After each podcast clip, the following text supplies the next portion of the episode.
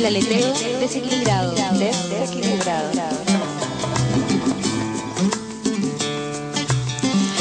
Pensando, hablando sobre nosotras, sentimos necesario compartir nuestras reflexiones críticas sobre lo privado, lo público, el espacio político, en lo cotidiano. Viviéndonos habitantes de una tierra fronteriza en la que día a día luchamos por no ser etiquetadas. El objetivo, Dejar en las ondas nuestros pensamientos feministas. crear nuestra tierra, Nuestro aire. nuestro dial. Desde el 2004 invitamos a otras voces a interrogar la normalidad patriarcal y atrevernos a escuchar otros mundos y miradas. Un programa para todos y todas los que sueñan con un mundo al revés. Otros mundos Para quienes quieran abrir su ventana al aire fresco. sin miedo a desnudar los feminismos. Sin miedo a mirar desde las fronteras. Queremos compartir nuestras miradas, hablar desde nuestra historia, escuchar y dialogar, reírnos de los estereotipos, ampliar los círculos. Llegamos murmurando a esta radio libre. Hablando de otras tierras, de otras formas de escuchar. Como buenas murmuradoras, transitando en los intersticios de lo decible, De lo indecible. sabiendo que no somos las únicas. El aleteo es una tierra intermedia. Posible en las ondas libres de contrabanda. Para todo aquel que habla en un mundo Casi siempre sordo. murmura ocupando los intersticios de las hegemonías. Transformando las etiquetas dadas, género, raza, clase. Es Espacio libre cuerpo abierto de experiencias, de visiones sueños y denuncias.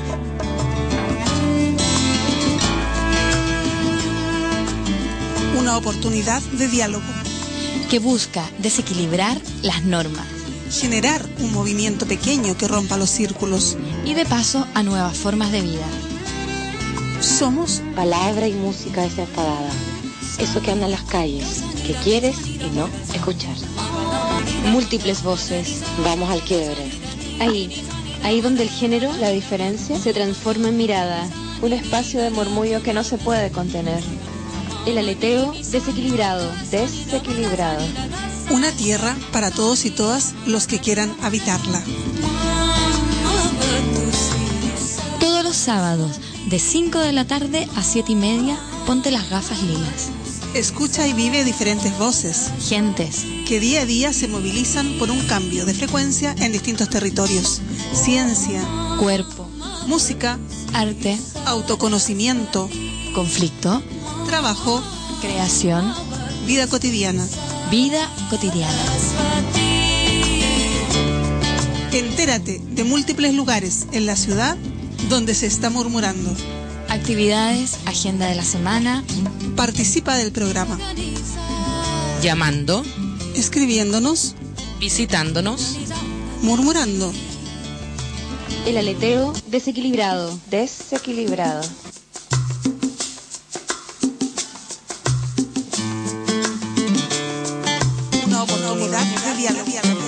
Que busca desequilibrar las normas Generar un movimiento pequeño que rompa los círculos. y de paso a nuevas formas de vida. Hola, buenas tardes, bienvenidas, bienvenidas, bienvenidos a este otro sábado del aleteo desequilibrado en Contrabanda FM 91.4, Radio Libre y No Comercial de Barcelona. El día de hoy, que es un día bastante gris, está lloviendo en Barcelona, empieza ya el otoño a sentirse realmente en la piel. Eh, estamos aquí para compartir distintas reflexiones sobre algo que toca hablar en noviembre porque hay un día en especial, pero también porque nos apetece mucho. eh, es un tema que nos atraviesa y hemos estado hablando de, de esto en también varios programas anteriores que tienen que ver con la violencia, las violencias en general.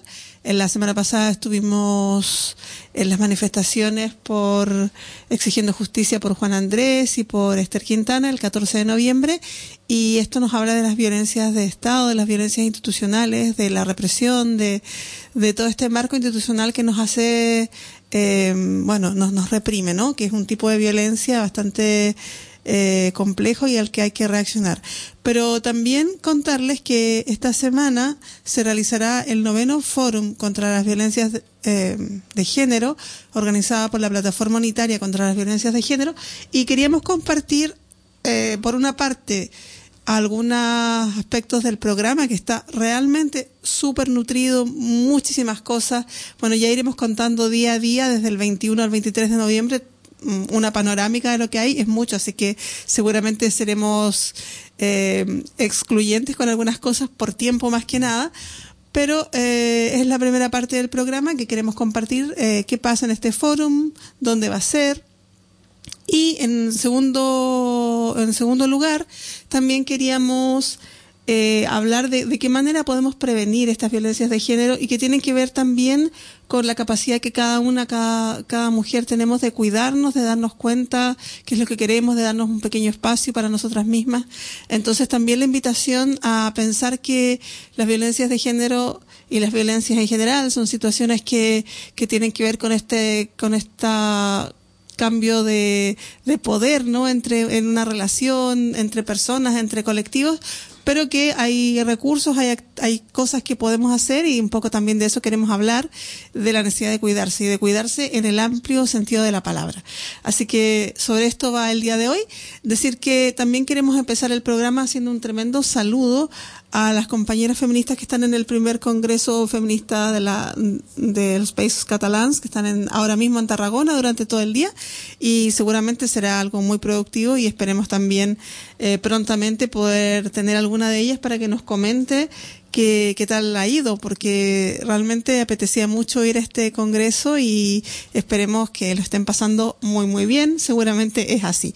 Desde acá, nuestro abrazo a, la, a las compañeras feministas que están ahora mismo reunidas en Tarragona. Y vamos a también hacer una pequeña nota de que generalmente va al final, pero hoy día estamos cambiando los, el orden por la hora, porque eh, hay una una charrada que está organizada para hablar sobre la situación del profesor, profesorado eh, en las Islas Baleares y es hoy también 16 de noviembre a las seis y media. Nos pidieron que lo anunciáramos antes de las seis y media por si alguien se quiere apuntar. Eh, es el ACNT en Joaquín Costa número 34 aquí en el Raval y es una charrada que se llama Del Tanmatech a la vaga indefinida, la ejempla de las sillas per Iñaki Aikart portaveu de l'Assemblea de Docents de les Illes Balears. Organiza la Asociación Cultural del Raval el local. Y se, ha cambiado recién porque estaban esperando que llegase mucha gente y entonces eh, para para poder eh, eh, recibir no toda la gente que ha dicho que va a ir se va a hacer esta esta charrada que estará presentada por el portavoz de la Asamblea Docente de las Islas Baleares y que tiene previsto hacer una serie de, de otros encuentros en la provincia de Barcelona para dar a conocer la situación de, de, bueno, de lo que está pasando por allí. Así que también la invitación entonces a, ir después del aleteo a Joaquín Costa a ver qué pasa por las Islas Baleares con el tema docente, que realmente está notándose que, que es algo súper interesante, ¿no? De, de poder poner atención. Bueno, Vamos a poner un poco de música para ambientarnos.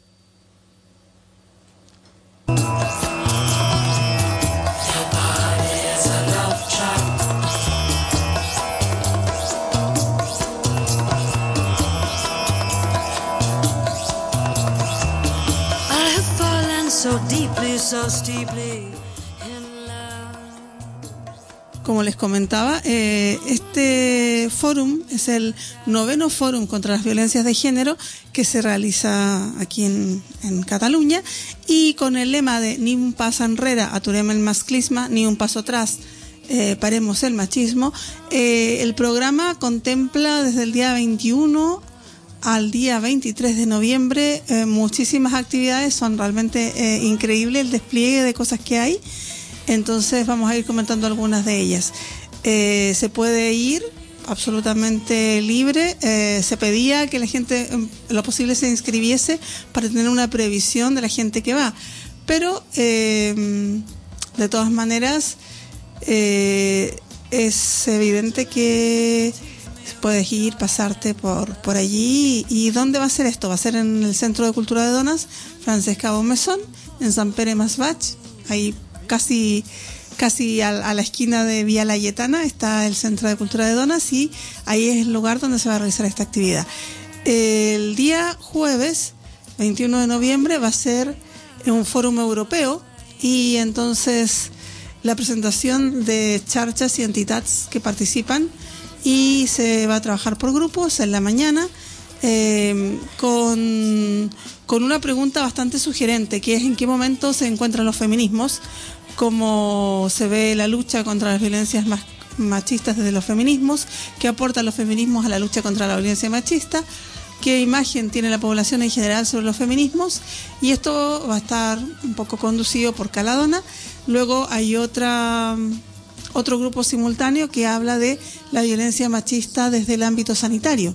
Según la OMS, un 27% de las mujeres en Europa padecen de violencia machista.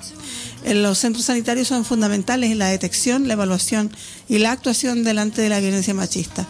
Eh, bueno, va, a un poco moderar la Comisión Sanitaria contra la Violencia de Género y Intrafamiliar del eh, de San Cugat. Y la tercera mesa, que es en paralelo también, como ya os he explicado, es socialización y coeducación, retos actuales y aspectos claves en la coeducación y la socialización para la prevención de la violencia de género, orientaciones educativas para contribuir a erradicar aquí esta, esta problemática. Organiza el grupo de donas de CREA, SAFO, UAB, no, UB, Universidad de Barcelona. Luego, entre una y dos, hay una puesta en común y conclusiones y ya luego en la tarde, a las cuatro y media, hay una pausa para comer, eh, una mesa redonda, construimos alternativas a mirada de donas. Eh, aquí va a haber estrategias para avanzar en el desarrollo de medidas para la libertad y el derecho de las mujeres. Se, se habla de qué se está haciendo a nivel del Estado español frente a los retrocesos en las políticas a las mujeres contra el informe de la CEDAW las actuaciones europeas de apoyo a las reivindicaciones de la sociedad civil en Colombia en el proceso de paz, de paz y las demandas de las organizaciones de mujeres colombianas frente a las negociaciones actuales. Las ponentes serán nuestra querida amiga Monse Pineda de Creación Positiva y Naya Parra de Colombia en Pau. Modera Mireya Abofil. Luego a las seis y media es la conferencia final de este día en que desde Europa respuestas a la discriminación y a la violencia hacia las mujeres, la crisis como excusa para la pérdida de derechos reales de las mujeres en Europa, la precariedad laboral, el desmantelamiento del estado de bienestar, género y ocupación, participación política de las mujeres, crisis ideológica, derechos de las mujeres y derechos humanos en Europa. Ejemplos de buenas prácticas, diferentes experiencias con buenos resultados. Muchísimas ponentes y, por supuesto, eh, tiene muy muy buena pinta este día en que se inaugura este noveno fórum contra las violencias de género.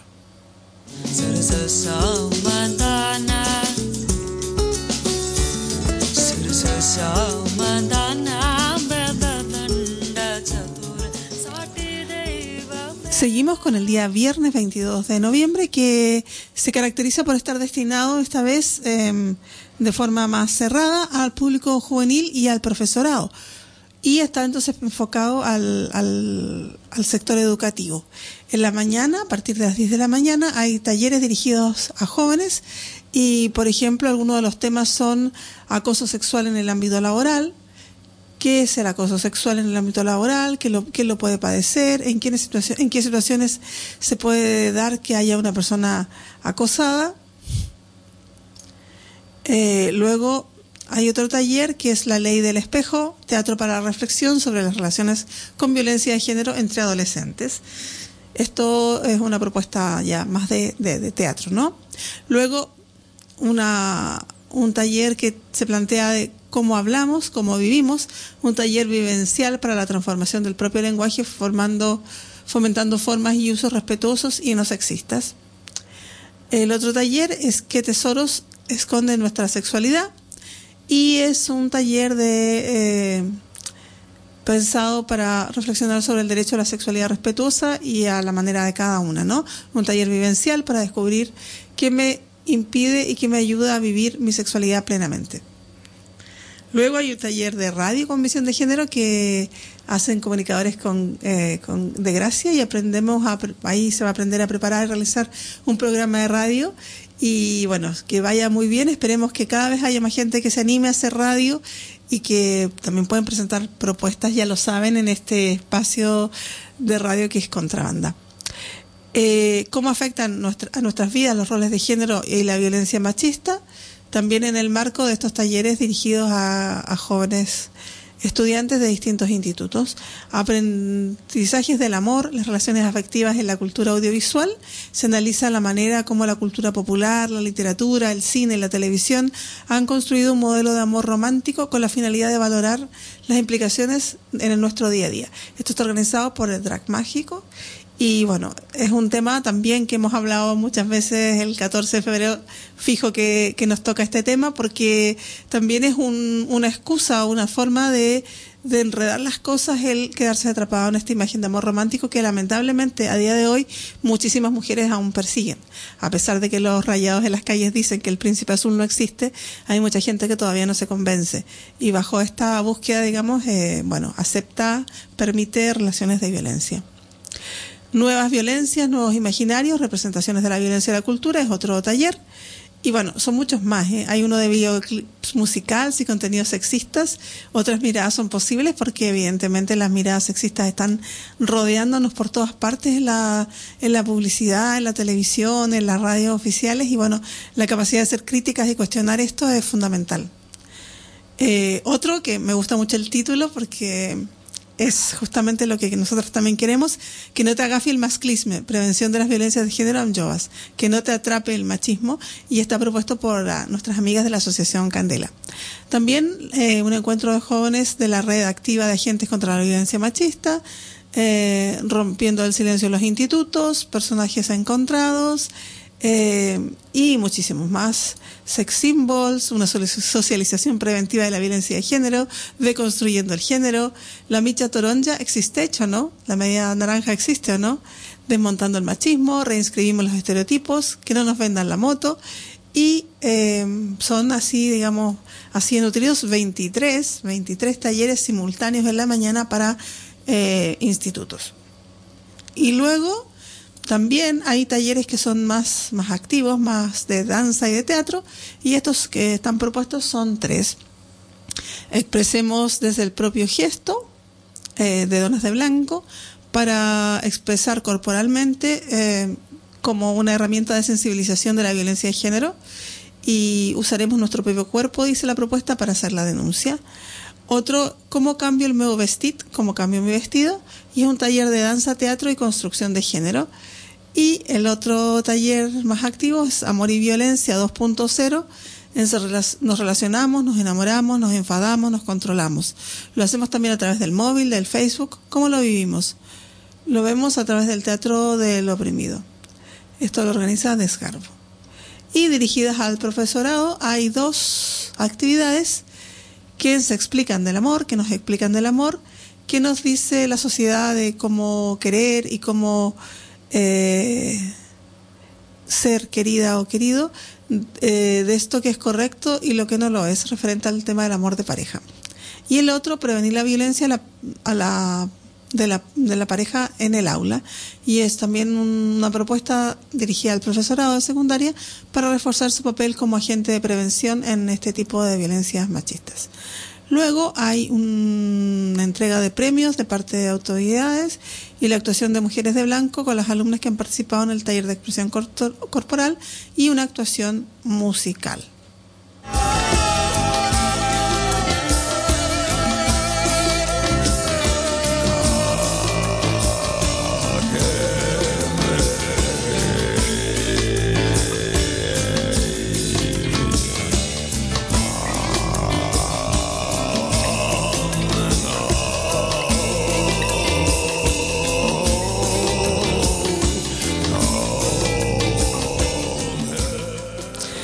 Día viernes 22 de noviembre a las 5 de la tarde comienzan las actividades abiertas ya a toda la ciudadanía, no solamente al, al público del sector de educación como era en la mañana, y es eh, también propuestas muchísimos talleres.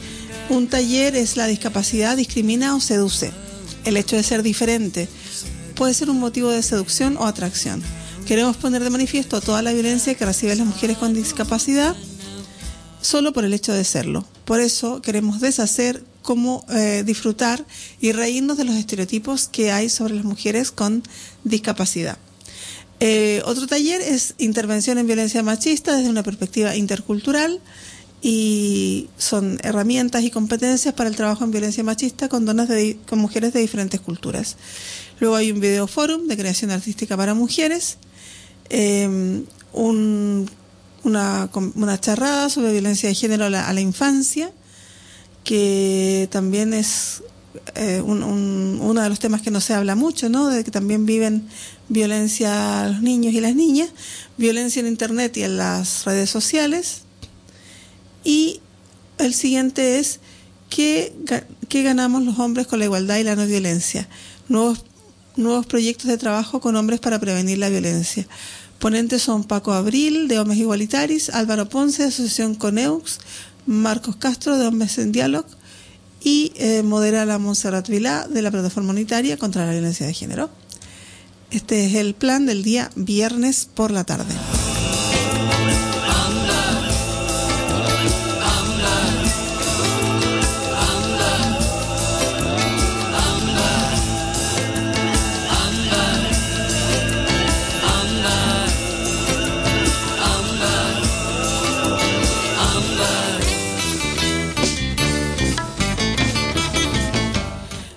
Llegamos al día sábado, sábado 23 de noviembre.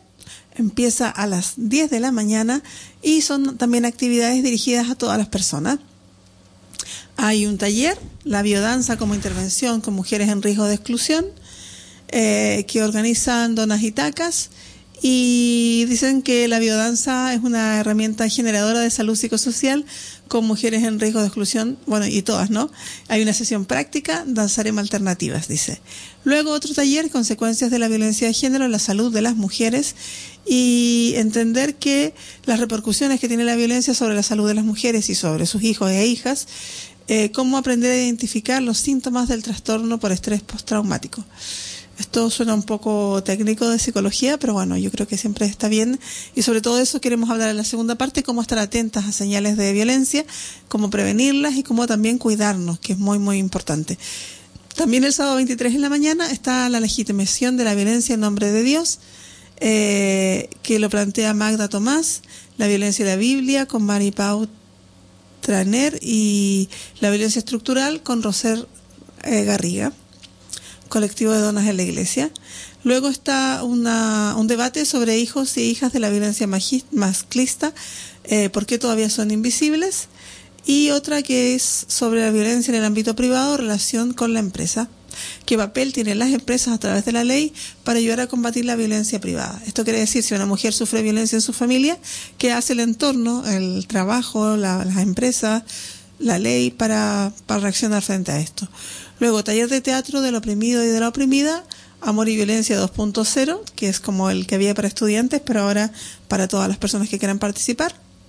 Otro taller, son muchísimos, ¿eh? El acompañamiento en la recuperación de la violencia. Eh, otro es Nuevas Masculinidades Alternativas contra la Violencia de Género. Otro, El Mapa del Tesoro, cartografías del autorrespeto femenino que intenta identificar y potenciar en recursos internos de las mujeres su capacidad para establecer una relación de respeto y reconocimiento con ellas mismas, con el objeto fundamental de poder disfrutar de derechos y libertades. Esto suena muy legal, pero yo creo que sí tiene que ver ¿no? con lo que hablábamos al comienzo, que nos interesa identificar en nosotras mismas recursos para, para nosotras cuidarnos y poder eh, estar atentas a la prevención. Luego, eh, ni más ni menos que el abordaje de la violencia a las mujeres a través de los medios de comunicación.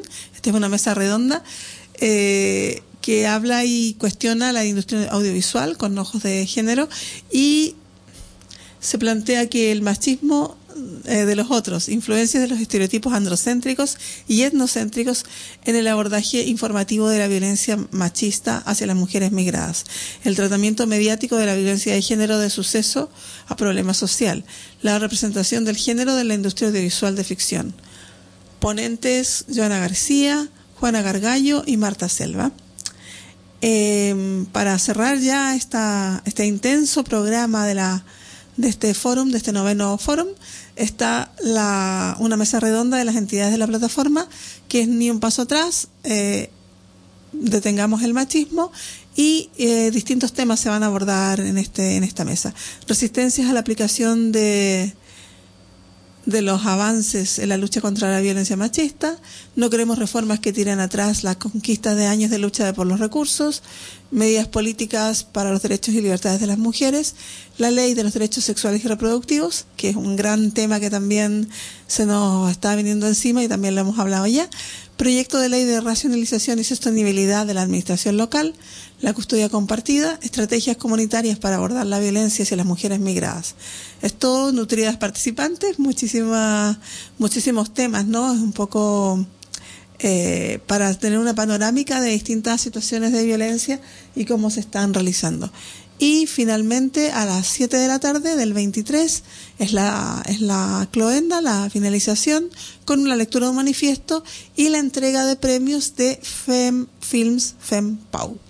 Es un, una proyección de, de cortos que se está actualmente eh, realizando, que las invitamos, les invitamos a mirar FemFilms FemPau y que también pueden votar porque hay un premio del jurado y hay un premio del público. Así que ustedes van a poder decidir con su, con su opinión si, si hay una participante que, de que hay de muchos países, hay, hay cortos que yo estaba mirando de Colombia, de Chile, de, de Irak, de Afganistán, entre los que recuerdo, así que les invito, les invito a mirar FemFilms, FemPau, que están muy interesantes, son cortitos de 2-3 minutos y muestran realidades muy diversas de, de situaciones de, de conflicto y de, de, violencia. Finalmente hay homenaje a las mujeres asesinadas a cargo de Donas de Blanco, que son estas mujeres fantásticas que cada tercer lunes eh, del mes. La plataforma hace un homenaje a las mujeres asesinadas cada mes y lamentablemente cada mes hay que hacer este tipo de homenaje. Y Mujeres de Blanco eh, muchas veces participa con sus coreografías para que este día sea también un día en que denunciamos la violencia y los asesinatos, pero también eh, pensamos de qué manera podemos prevenir, podemos decir basta de manera definitiva, ¿no? A esto. Bueno, Vamos.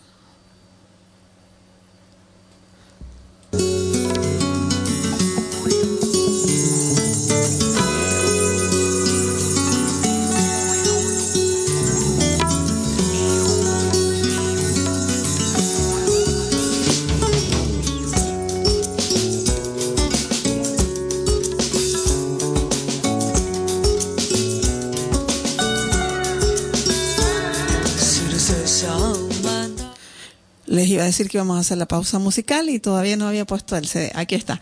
Vamos a escuchar a Pascuala y la Vaca, Busco Paraíso, que es un regalazo que nos hizo nuestro amigo Antonio. Y vamos a escuchar eh, un tema de esta chilena que nos gusta muchísimo.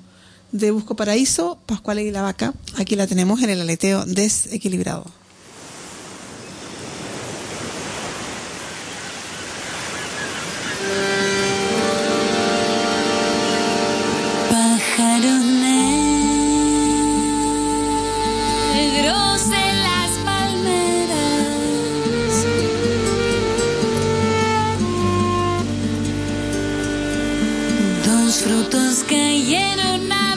puerta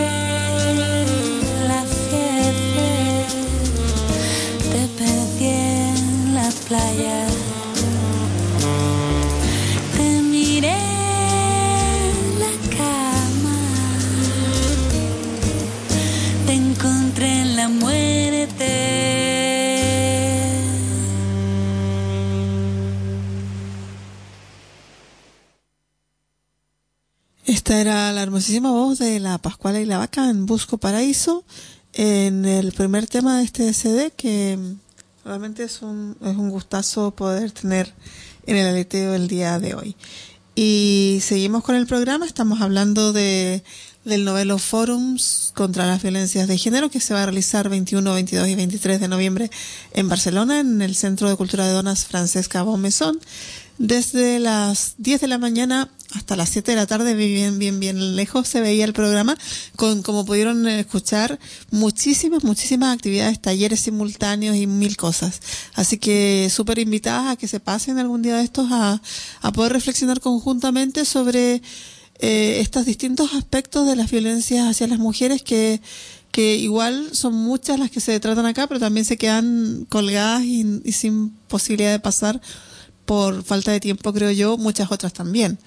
Así que el panorama, la invitación ya está dada para hablar sobre eh, distintas iniciativas que se realizan para prevenir la violencia. Y no solamente está organizado por la Plataforma Unitaria contra la Violencia de Género esta actividad, sino que al calor de este día, 25 de noviembre, en que es el Día Internacional contra la Violencia hacia las Mujeres, les recuerdo porque fueron asesinadas tres hermanas dominicanas, eh, las hermanas Mirabal, que eran conocidas como las mariposas, y en homenaje a este asesinato que se realizó en el contexto de la dictadura de Trujillo, fue un asesinato político a tres luchadoras eh, anti, anti, anti esta dictadura, eh, que además fue escabroso, súper violento, muy, muy horroroso.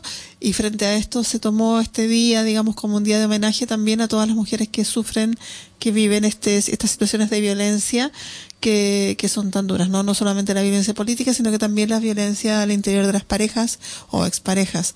O cualquier imbécil que se sienta con ganas de, o con la capacidad de poder agredirnos por el solo hecho de ser mujeres, que también hay que decir, nos faltan estos modelitos.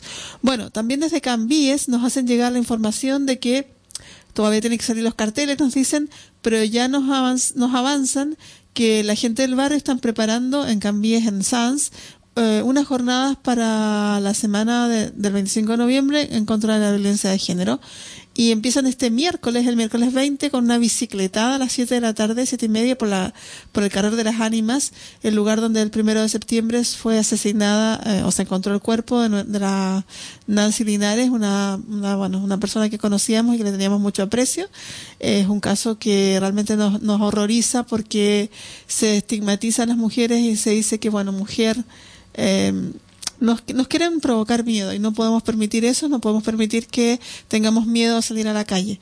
Así que el, el miércoles 20 van a hacer este, esta bicicletada con, por este lugar, eh, el Carrer de las Ánimas, que está justo, si nos ubican por Sans, en Sans, esquina Badal. Eh, una, una callecita más y ya está este, que es pequeñito, que es el antiguo paso por donde iban hacia el cementerio de Sans. Eh, bueno, el nombre también es bastante, bueno, ánimas. Luego, el jueves 21 y viernes 22 van a ser charradas en la Plaza Málaga a las seis y media de la tarde. El sábado a las sábado 23 una cercavila reivindicativa y eh, va a ser en el mercado de Badal. Y el domingo a las 6 de la tarde en, en el cine en Cambies y después de las 8 una marcha de antorchas. Van a ir ampliándonos la información, pero como se ve es una súper nutrida eh, panorámica de, de, cosas que hacer.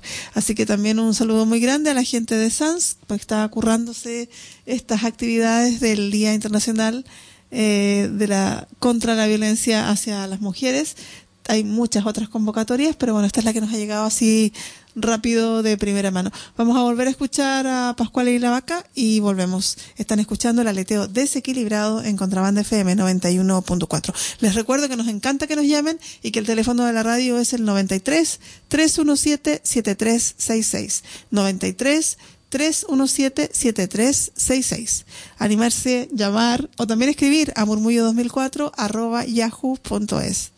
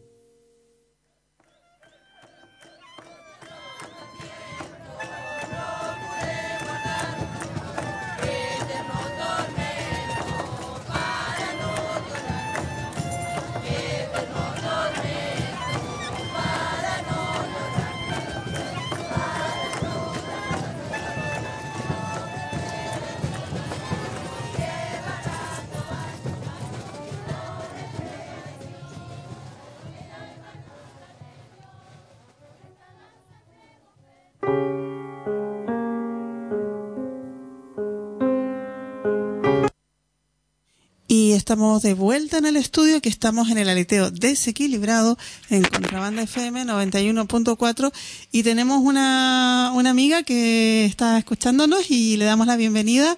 Hola, ¿qué tal? Hola, ¿cómo va todo por allí? Muy bien, aquí aparte del frío intenso que hace en Barcelona, ¿no? A quienes con la valentía han salido de casa para acompañar al programa. Yo desde el teléfono porque no tenía la, iniciativa para moverme ahora con el frío. No, pero está perfecto que nos acompañes de la manera que sea. Eh, estamos hablando con Flavia Limones, nuestra queridísima amiga que viene casi siempre los 14 de febrero a hablar sobre el amor romántico y ahora está en el contexto del 25 de noviembre. Es una amiga de efemérides, parece. pues sí, me he ido convirtiendo en la perezosa de las efemérides que aparece así bajo arrastre para los días especiales porque si no, no me saca nadie de mi cuevita, como decíamos antes nosotras en privado. bueno, te agradezco muchísimo que hayas llamado Flavia porque tú trabajas como terapeuta de parejas y entonces has escuchado seguramente y bueno, te has formado en, en muchas de estas historias, de estos conflictos, de las tensiones que se, que se van produciendo en las parejas y que lamentablemente muchas veces desembocan en o son directamente malos tratos, ya sea psicológicos o físicos. Y bueno, sabemos que los, los, maltratos psicológicos tal vez son los más difíciles de detectar porque hay más permisividad, ¿no? Si a uno le dan un golpe, se nota que es un golpe y ya puedes reaccionar. Pero si te, te tratan mal o te humillan o se burlan de ti, a lo mejor tú dices, no, no es tan grave y vas tirando como... vas, lo que estabas también diciendo en un principio, ¿no? Estabas hablando de, de la violencia general, la violencia que en sí misma implica vivir en un sistema sexo-género patriarcal. Por tanto, es muy fácil cuando estás en una relación de pareja frente al maltrato psicológico confundirse porque se entiende que tienes que cuidar del otro, que tienes que entender sus necesidades. En toda esta educación patriarcal, para nosotras como mujeres, esta es una cuestión básica. Tienes que cuidar, tienes que tratar de comprender, tienes que ser amable y apoyar y ayudar al desarrollo del otro y yo lo puedo decir en primera persona, aún como mujeres muy trabajadas en este tema, te encuentras de repente que dice, ups, por un límite, porque estás pasando del cuidado del otro, que es estupendo, que es fantástico y que sería muy lindo si fuera extendido a toda la humanidad y que no solamente lo ejerciéramos las mujeres, porque harto mejor nos iría en el mundo, pero se te está pasando la mano y estás olvidando de cuidar de ti. Y entonces, claro que es más difícil detectar el maltrato psicológico por eso, porque está, es una frontera muy muy tenue. en lo que entendemos como una actitud femenina que además es deseable como actitud humana, digamos, ¿no? Exacto, es que yo creo que la, la, apuesta, lo que decimos que es la tremenda revolución del feminismo, que las mujeres tenemos, somos, somos personas igual que los hombres, ¿no? Es como la gran cosa, que por lo tanto tendríamos que estas actitudes que son positivas para toda la humanidad, que es el trabajo de cuidado, fuera una cosa que fuera de toda la sociedad y no fuera solamente de nosotras. Exacto, y que no significa solo el cuidado físico, y el riesgo es ese, que cuando estás en este exceso de cuidado y como ¿cómo decirlo? Como si te hubieran desde el momento del nacimiento asignado la tarea y tú la has, introyectado, la sientes tuya, la tarea de cuidar también en el plano psicológico, ¿no? De comprender es que, claro, el pobre, y lo escuchan muchas veces en terapia o en talleres o en conversaciones, es que el pobre viene de una familia terrible donde el padre maltrataba a la madre, donde a él le pegaban tanto, entonces claro, justificando, ¿no? Cuando se pone violento y me dice cosas horribles, pero en el fondo no no es él, es que es desde su dolor. A ver, mm. hija, estupendo, y me parece importante que hagas este proceso, pero también tienes que ser capaz de decir, pero yo no tengo la culpa de eso, no tengo por qué tolerarlo. Yo creo que hay una distinción que es súper importante y que se nos pasa un montón de veces. Una cosa es entender, y es fantástico, mientras más podamos entender cosas, no solamente relaciones humanas, entender en general es estupendo. Entendamos que la vida nos va a ir mejor. Pero una cosa es entender y otra es justificar. Y hay cosas que por mucho que las comprendas, no las puedes justificar y no las debes aceptar.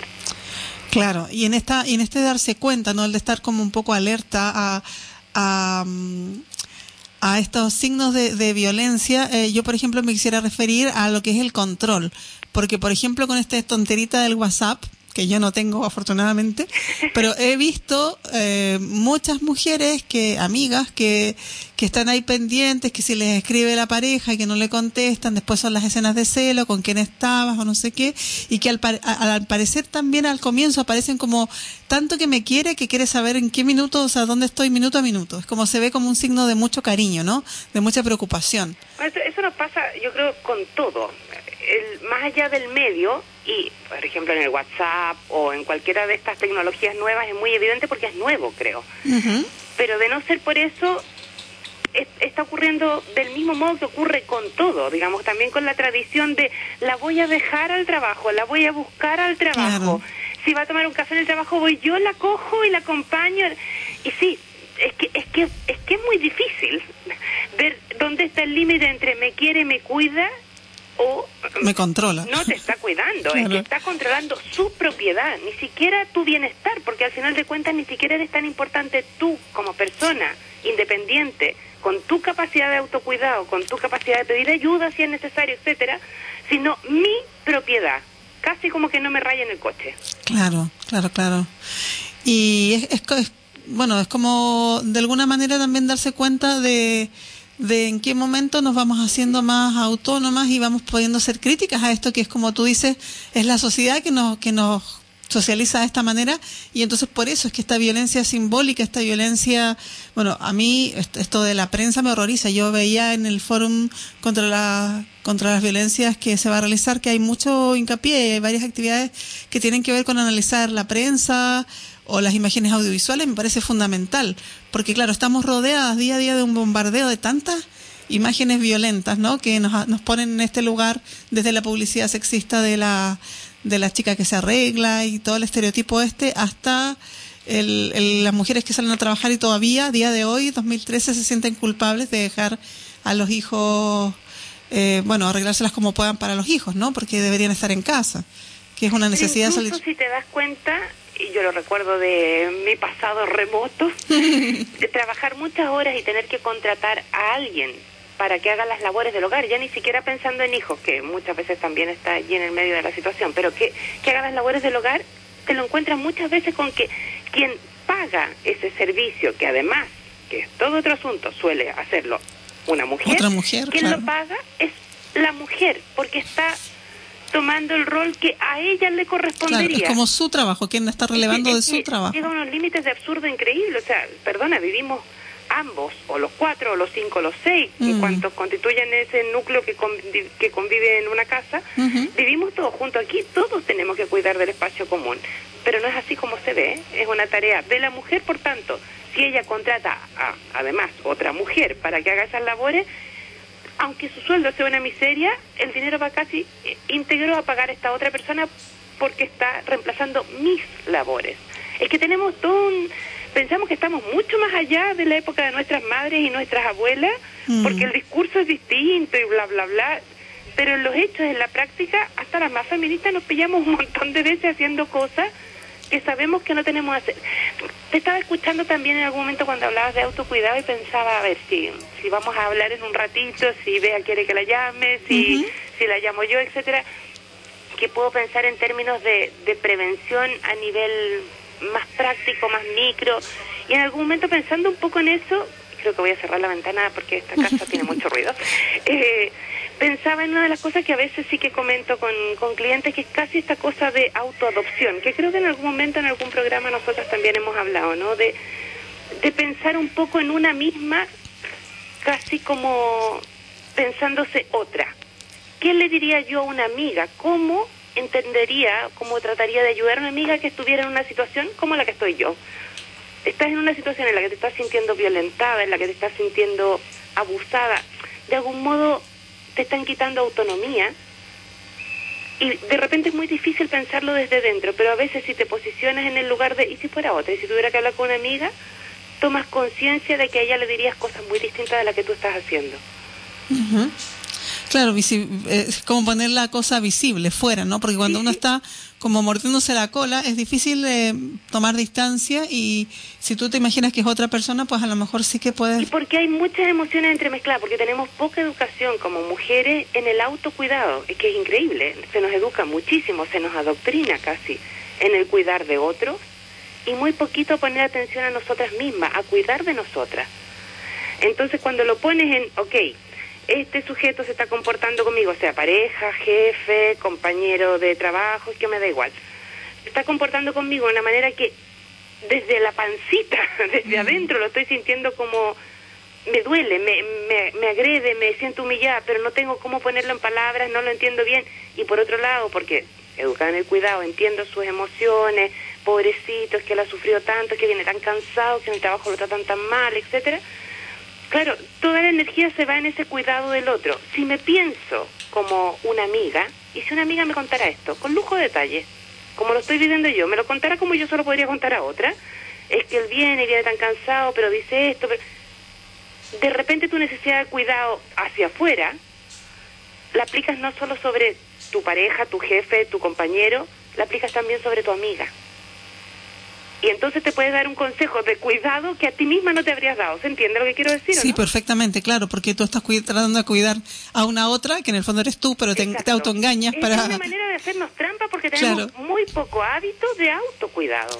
Y yo creo que es eso, es que como que no existe la conciencia de, de, de, que es muy importante autocuidarse. O sea, en el fondo andamos cuidando al mundo, pero cuando se trata de frenar un poco, y esto tiene que ver con desde cuidar la salud, cuidar las relaciones, cuidarse una misma, eh, poquísimo tiempo. O sea, si uno hace el ejercicio, yo creo que pocas personas dicen, bueno, yo me doy mi espacio para mí. Y eso se ve hasta como un privilegio, ¿no?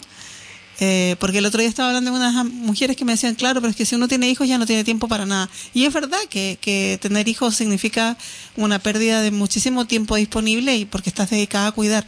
Pero claro, yo les decía, es verdad que tener hijos significa esto, pero igual van al cole y que igual tienes que trabajar, pero un ratito, media hora, lo que sea, para ti, para hacer algo que te guste, para tratar de, de parar este mundo tan loco y acelerado y, poder como nutrirte, es, también es muy necesario es que ahí lo que yo creo que una de las cosas que ocurre que en esta idea del, del tres veces ocho, ¿no? Ocho horas de sueño, ocho horas de trabajo, ocho horas de ocio, que sí suena fantástico cuando lo dices, pero cuando te das cuenta que en la realidad ocho horas de trabajo implica el desplazamiento, preparar el trabajo, miles de cosas al final pasan, mucho más de ocho diez por lo menos, claro. Y ocho horas de sueño, que casi nadie se puede dar el lujo de hacer, y ocho horas de ocio Qué mentira, porque resulta que eso implicaría que hay una casa que está funcionando sola, unos cuidados de todo el mundo, incluido tú mismo, están funcionando solos. O sea, para comerte un plato de comida tienes que ir a comprar al supermercado, tienes que lavar la verdura, tienes que prepararla,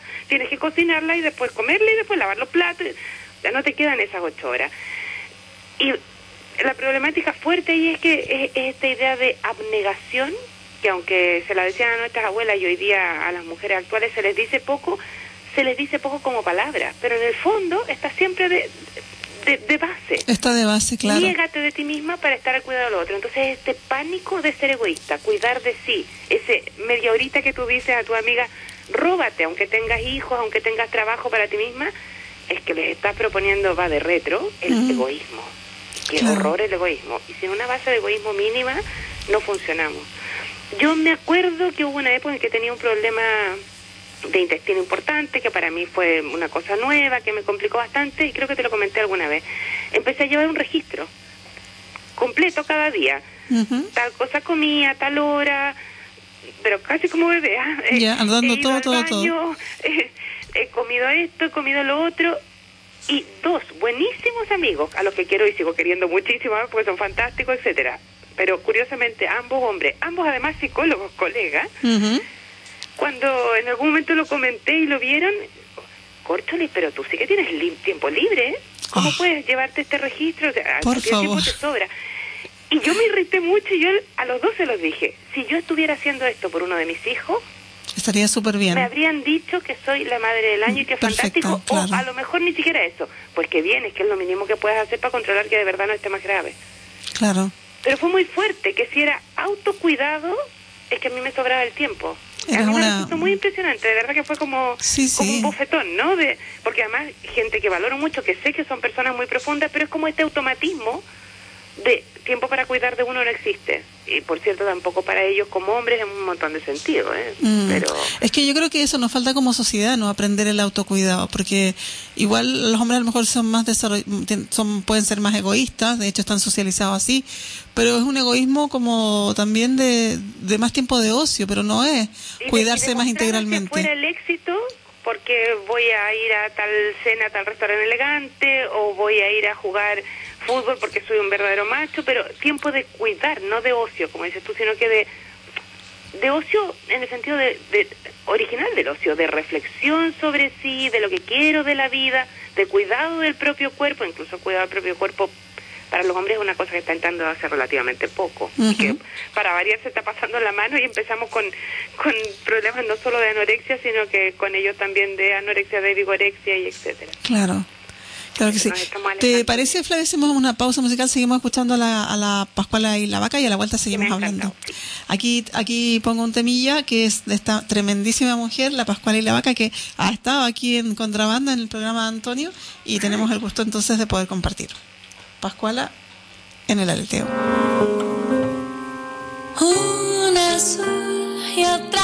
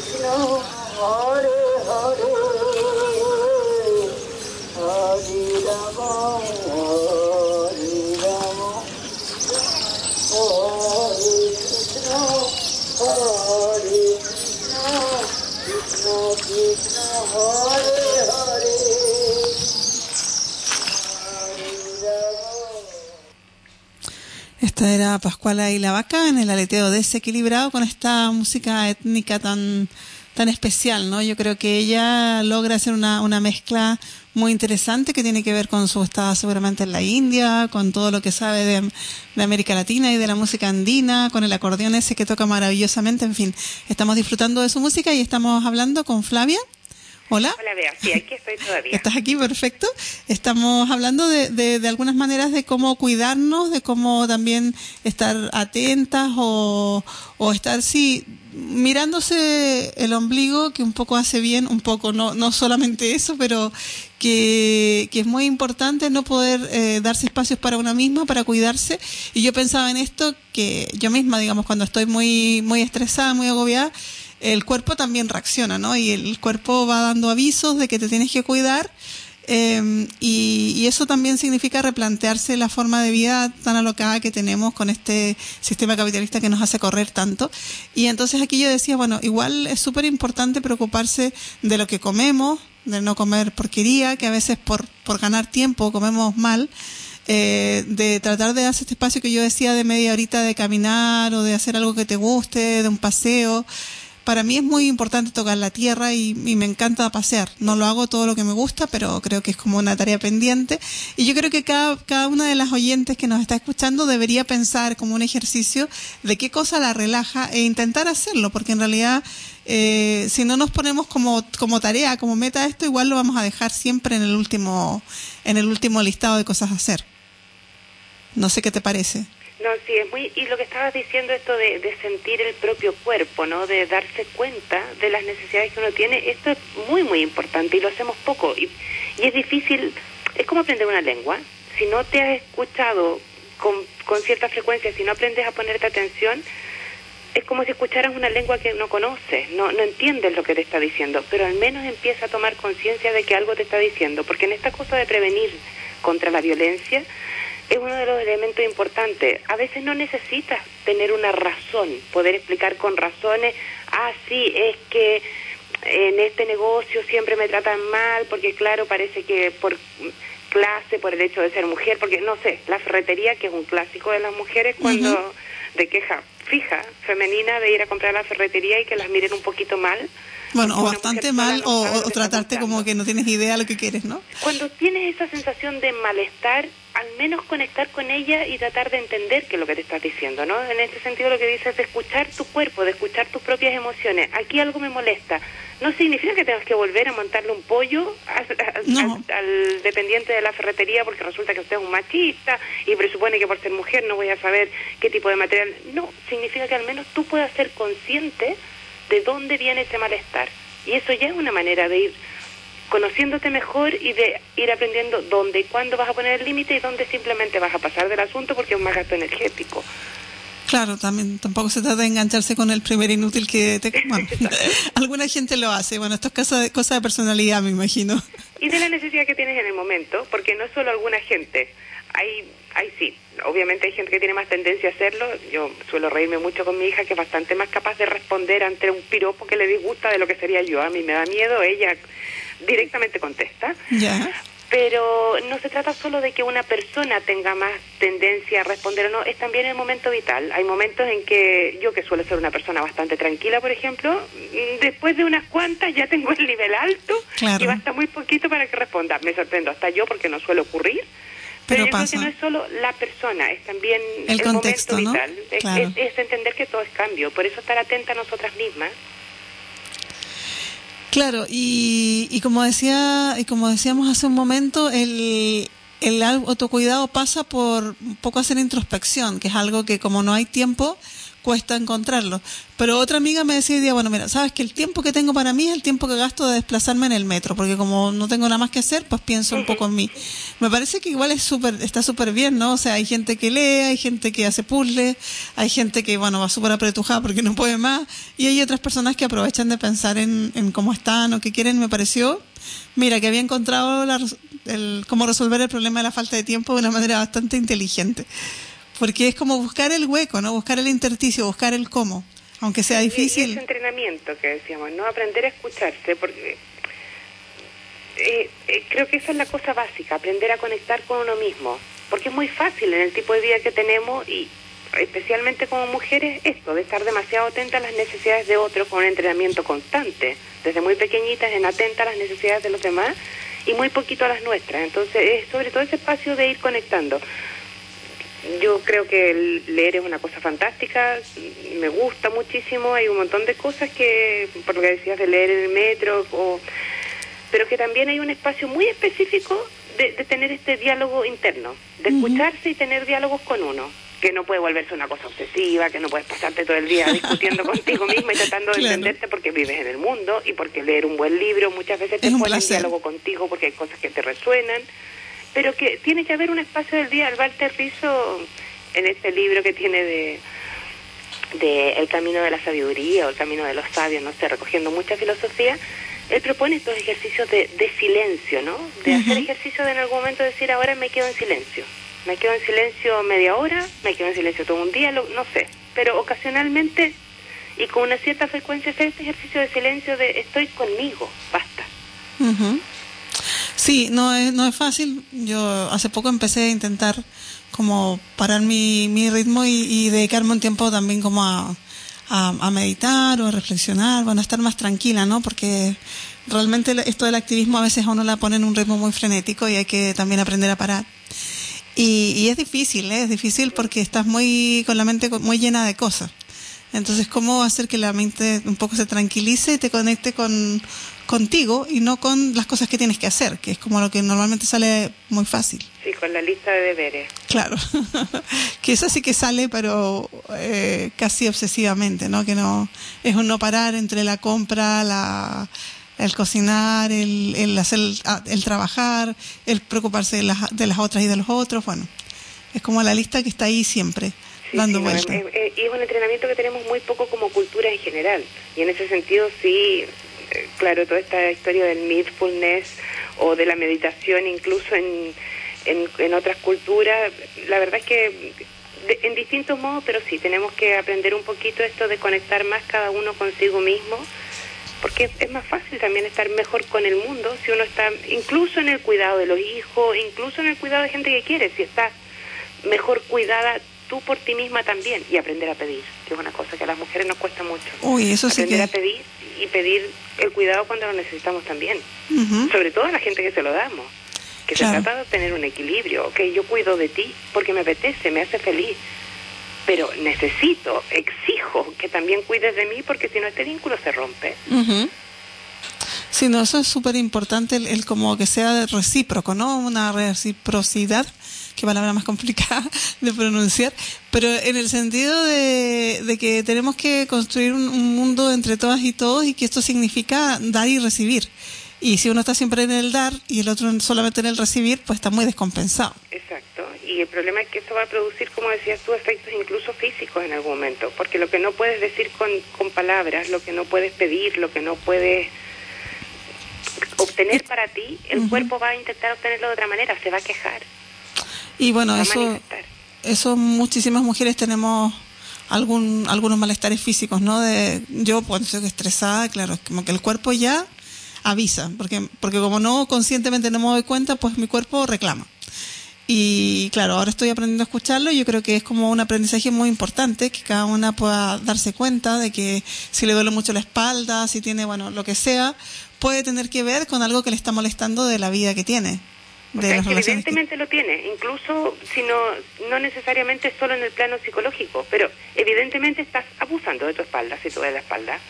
sea porque estás cargando mucho de la vida de todo de todo el mundo, sea porque estás levantando cajas todo el día, me da igual, pero Claro. tu espalda está diciendo necesito más cuidado. Sí, Eso sí. está claro. Lo leas en clave Biomédica, o lo, claro. o lo leas en clave simplemente somática. Sí, sí. Y bueno, la espalda, la cabeza, los hombros, las piernas, bueno, en fin. Es una lista larga de dolencias que, que todos vamos escuchando entre las amigas, las madres. Que la claro, hay algunas que son... ¿Mm? Es que no ocurre solamente para nosotras, obviamente también ocurre con los hombres porque hay, hay un juego súper perverso en esta cosa patriarcal de enseñar a las mujeres a cuidar de las necesidades del otro, pero con tal celeridad, con tal capacidad de prevenir, ¿no? Uy, tiene los ojitos como chiquititos y igual está cansado, le voy a preparar la cama.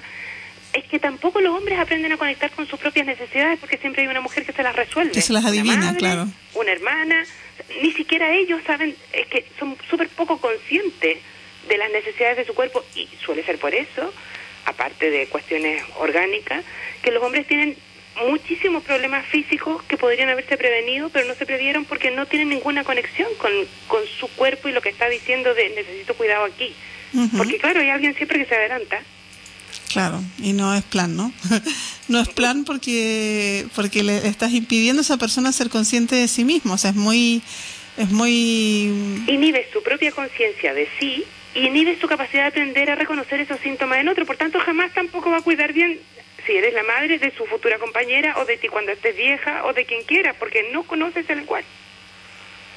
y esto la única manera parece que es dejarlos un poquito, ¿no? Ir ir soltando que es otro tema que, o sea, hasta qué punto o cómo aprendemos a no meternos y no y a no resolver todos los problemas sin que nos pidan ayuda. Mm. Porque esta capacidad de anticiparse es como también como tú dices casi casi desde la cuna que, que te estás preocupando de, no sé, las que somos hermanas mayores, de los hermanos menores, de que no les pase nada, que no sé qué. Y al final es como que es un hábito y como que es normal que nos tengamos que hacer cargo. Y sí que está bien hacerse cargo siempre que, como tú decías, haya una, una relación de re- reciprocidad. Sí, sí, al final yo creo que es lo que muchas veces hemos comentado, ¿no? La, gente tiene esta imagen bastante distorsionada que las feministas somos mujeres que quisiéramos ser hombres. Y para Y nada. Normalmente digo, las feministas somos mujeres que quisiéramos que los hombres conectaran un poco más con lo humano, porque no somos, es que no es que hay cosas de hombre y cosas de mujer, hay cosas humanas y hay un montón de porquería que tenemos que sacar de lo que es humano según como lo hemos creado culturalmente. Y hay otras cosas que tenemos que estimular para hombres y para mujeres. El ser ambicioso, capaz de luchar por lo que quieres, que se entiende como una característica masculina, Es deseable empezar para todo a el mundo. enfatizarla más en las chiquitas, en las niñas, para que se vuelvan mujeres capaces de perseguir sus sueños. Y el ser, yo qué sé, dulce, estar atento a las necesidades del otro, es que es una cosa que tenemos que empezar a desarrollar también en los niños. Yo tengo un nieto fantástico que me fascina y mi hija ya está más que advertida y además feliz de la vida con que obviamente su abuela le va a comprar un escobillón para barrer con ella y una muñeca para que la cuide, porque quiero que sea un ser humano, no un medio ser humano para convertirse en un macho patriarcal. Bueno, lo que tú estás diciendo me parece súper, súper importante porque también, y no quiero culpabilizar a las mujeres porque también dicen las mujeres son las principales culpables del machismo. Yo esta esta frase me, me, me espanta un poco, ¿no? No, es, es terriblemente irritante. A Sí. mí me irrita mucho. Pero, pero sí decir que podemos eh, educar a, a las nuevas generaciones de otra manera y que las mujeres que no lo hacen igual es porque no han tenido los espacios, la posibilidad de reflexión y no son conscientes. Porque es es que una es importante, o sea, yo creo que decirlo, decir, machismo se escribe con M de mamá, que es un título clásico en este tipo de argumentos, Sí, sí, sí. Es bastante retorcido, ¿no? Porque es decir, encima de que son las víctimas, son culpables de ser víctimas. Y O sea, casi que les gusta. que un naranjo solo puede dar naranja, no hay otra alternativa. Tanto hombres como mujeres somos educados en el patriarcado. Que encima tengamos la responsabilidad, solo nosotras de hacer la reflexión y el cambio, me parece Claro, que ya se es les un morro. la mano. No, no, la total. tenemos y dado que lo hemos hecho, tratamos de contaminar a los otros. Pero educar, educamos todos. Educamos padres y madres. O sea, una madre que está enseñándole a sus hijos, no porque tú seas niño tienes que dejar tu cama deshecha y tu hermanita tiene que venir a hacértela, no, tú también tienes que hacer tu cama, eh, participas lavando los platos, tenemos tareas compartidas, pero el padre está sentado allí que llegó cansado del trabajo, así que vete y no tiene nada más que hacer. Bueno, esta señora, o, o- o es que la conclusión para su hijo es, o mi madre está esquizofrénica y hay que, pero está loca perdida, digamos que tiene doble personalidad, o está equivocada. Claro. Entonces, mm, esto de que el machismo lo enseñamos a las mujeres, no, educamos todo. Claro, la, la imagen del hombre mirando la tele o leyendo el diario es como, claro, que está enseñando ese padre, ¿no? Que está enseñando que no se hace cargo de los, de los Exacto, que trabajos de cuáles cuidado. son sus responsabilidades. Sus responsabilidades acaben cuando acaban las ocho horas de trabajo, pues ya no gustaría todo. Claro. Es que de hecho lo ideal sería que todos tuviéramos cuatro horas y tuviéramos tiempo de verdad para la vida común y el cuidado mutuo, todos de todos. Yo creo que el centro de esta cosa es siempre empatía, respeto y equilibrio, reciprocidad constante en los cuidados. Sí, yo estoy súper de acuerdo contigo. Me parece que es un, un, un aprendizaje que también está pendiente, ¿no? Porque eh, desde el feminismo hemos reflexionado un montón de la vida que queremos vivir y todo esto, y estos temas están, pero al- a la sociedad en general le falta escuchar estas reflexiones. Tal vez no hemos sido tan didácticas o tan difusoras de nuestras ideas, pero es lo que dices tú, o sea, esta, esta imagen además que a mí, me, a mí me da mucha risa de mujeres que queremos ser hombres porque para nada está tan instalada, o sea, Sí, sí, muy fuerte. cuando cuando yo muchas veces digo que soy feminista y me dicen, pero no tienes pinta de feminista, como, como A si mí hubiera... también me tocaba escuchar un montón de pero tú te pintas la rayita de los ojos y, y tú no llevas bototo. Así fue Claro. estupendo, pues nada. O sea, tú no te has enterado lo que es ser feminista. Mira, Claro, si porque- se trataba de nadie me lo contó. Claro, no, no, porque está todo el jugando todos los estereotipos, ¿no? Y está como más fácil decir, bueno, eh, feminista, antihombre y no sé qué, no sé cuánto, y es tan ridículo que, que una vez se dice, mira, había un chiste una vez que estaba circulando por Facebook que me hacía gracia porque, porque decía algo así como, era un, un dibujito animado que decía, mira, si ni siquiera te has leído la definición de feminismo de Wikipedia, no tenemos nada que hablar. O sea, Exacto. léetela primero y luego hablamos, porque si no, no... Y la de Wikipedia, por favor, no una de la RAE, porque las definiciones de la RAE son, Son un peligro con nosotros. No, claro, es que, que tiene que ver con que hay mucho desconocimiento, ¿no? Y sobre todo también en las nuevas generaciones que piensan que, que el feminismo está pasado de moda porque ya se han conseguido derechos, porque las mujeres podemos acceder a la universidad, porque podemos votar, porque podemos tener los trabajos que queramos. Pero es esta trampa, ¿no? De no ver el patriarcado que está tal vez más sutil, subyaciendo en todas las esferas del, del mundo y, y también incluso en, en los trabajos, cuando yo digo que hay diferencias salariales, la gente me dice, no, pero si todo el mundo gana igual, ese es el mismo... Y claro, hay estadística, hay estudios serios, no es que yo me lo invente, pero hay mucha resistencia a escuchar este tipo de argumentos. Pero hay resistencia justamente por eso, porque hay, que, hay también todo un trabajo de caricaturización. A mí también me sale difícil algunas palabras, ya ves, de caricaturización del feminismo, hecho aposta justamente para alejar a la gente de una ideología que, que amenaza el patriarcado. No es casual, digamos, esta imagen de las feministas como mujeres que queremos ser hombres y que se comen los niños y que... Malísimamente malas, brujas, feas, peludas. Exacto. Bueno, en no es casual, es una manera de, de justamente... Sí, yo, Bueno, yo creo que el, el patriarcado es como bastante inteligente y trata como de ir como dando respuesta, ¿no? A, a, de alguna manera a, a la, a la caricatura, ir, ir inventando cada vez más, porque claro, eh, primero eran las marimachos, después no sé qué, y vas como poco a poco eh, viendo como la imagen de la feminista siempre está en el lado oscuro del, del mundo. Y, y en el fondo yo estoy súper convencida que somos todo lo contrario, porque proponer tener un mundo más justo, más equilibrado, más solidario, más alegre, más, más de ayudarse, bueno, yo creo que no puede ser malo para nadie. Es que absolutamente no, podría ser bueno para todos. ¿Sabes qué me estaba acordando ahora? A ver si lo encuentro aquí en mi ordenador. Hay un texto viejísimo que es anónimo y que da vueltas hace muchísimo tiempo que ah, en las negociaciones nuestras de cada día, ahora no me viene ni siquiera el nombre de la autora, una psicóloga argentina. Ay, ay, ay, ay. Bueno, en fin, que ella lo ponía al inicio de su texto, de su libro, y lo estaba buscando porque me parece que es interesante para, para el tema, a ver, te lo voy a leer, ¿eh? Perfecto. Para el tema de la violencia y de esta cosa de, de la reciprocidad. Seguramente lo escuchaste alguna vez. Por cada mujer fuerte, cansada de tener que aparentar debilidad, hay un hombre débil cansado de tener que parecer fuerte. Por cada mujer cansada de tener que actuar como una tonta, hay un hombre agobiado por tener que aparentar saberlo todo. Por cada mujer cansada de ser calificada como hembra emocional, hay un hombre a quien se le ha negado el derecho a llorar y a ser delicado. Por cada mujer catalogada de poco femenina cuando compite, hay un hombre que se ve obligado a competir para que no se dude de su masculinidad. Por cada mujer cansada de sentirse un objeto sexual, hay un hombre preocupado por aparentar que está siempre dispuesto. Por cada mujer que se siente atada por sus hijos, hay un hombre a quien se le ha negado el placer de la paternidad. Por cada mujer que no ha tenido acceso a un trabajo o salario satisfactorio, hay un hombre que debe asumir la responsabilidad económica de otro ser humano. Por cada mujer que desconoce los mecanismos de un automóvil, hay un hombre que no ha aprendido los secretos del arte de cocinar. Por cada mujer que da un paso hacia su propia liberación, hay un hombre que redescubre el camino a la libertad.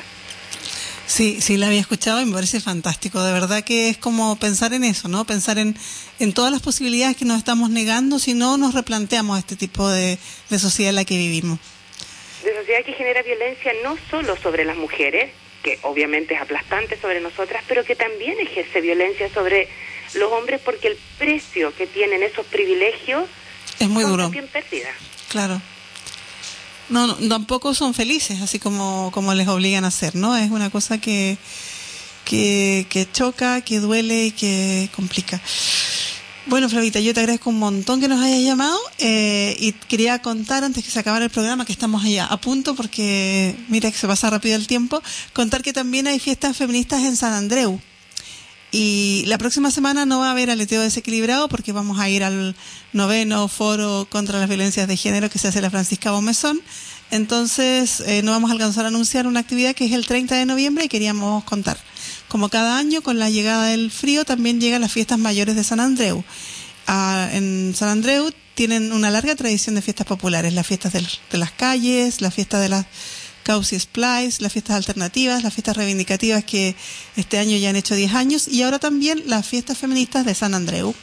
El año pasado, con alegría y autogestión, celebraron las primeras fiestas feministas de San Andreu eh, y va a ser tan buena la experiencia que ahora han decidido torna- eh, volver a hacerla. Soberanía alimentaria, miradas feministas, hierbas medicinales, teatro, danza, fotografía, deseos, creatividad, humor, amor y picante. Mira tú. Todo eso y mucho más en las segundas fiestas feministas de San Andreu, un espacio muy importante para, para las chicas que lo están organizando y que quieren compartir con todas nosotras. Esto va a ser el sábado 30 de noviembre y el domingo 1 de diciembre. Eh, y tiene un, un, un textito que dice así. ¿Qué son las fiestas feministas de San Andreu?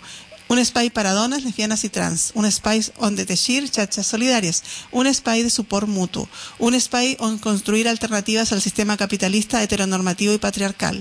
Un espai on poder pensar i relacionar-se enllà del temps, estereotips o rols que ens imposen i ens. Un espai de seguretat, on no es permeten actituds baboses, racistes, sexistes, lesòfobes, homòfobes o transfo transfogues, un espai inclusiu en la diversitat en, en totes les seves formes i expressions, un espai per compartir, créixer i crear. I construïm juntes la realitat que volem i que ningú ens talli les ales. Me parece súper bonito porque tiene que ver con esto que estamos hablando de espacios de libertad, de solidaridad y de lo que decíamos que tendría que ser una actitud humana, ¿no? De, de poder compartir en un espacio además muy alegre. El año pasado estuvieron muy, muy bonitas estas fiestas, así que esperamos que este año sigan igual. Un gran abrazo, Flavia. Muchísimas gracias por llamar. Un beso. Gracias por, por pedirme que comunicara de nuevo y, y empujarme a, a- a hacer lo que soy una perezosa, lo sé. Encantada, encantada. Bueno, un gran abrazo para ti y para todas las oyentes y nos vemos de aquí a 15 días. Les invito a que vayan al Fórum contra la Violencia de Género, que estará buenísimo, no se lo pierdan. Adeu.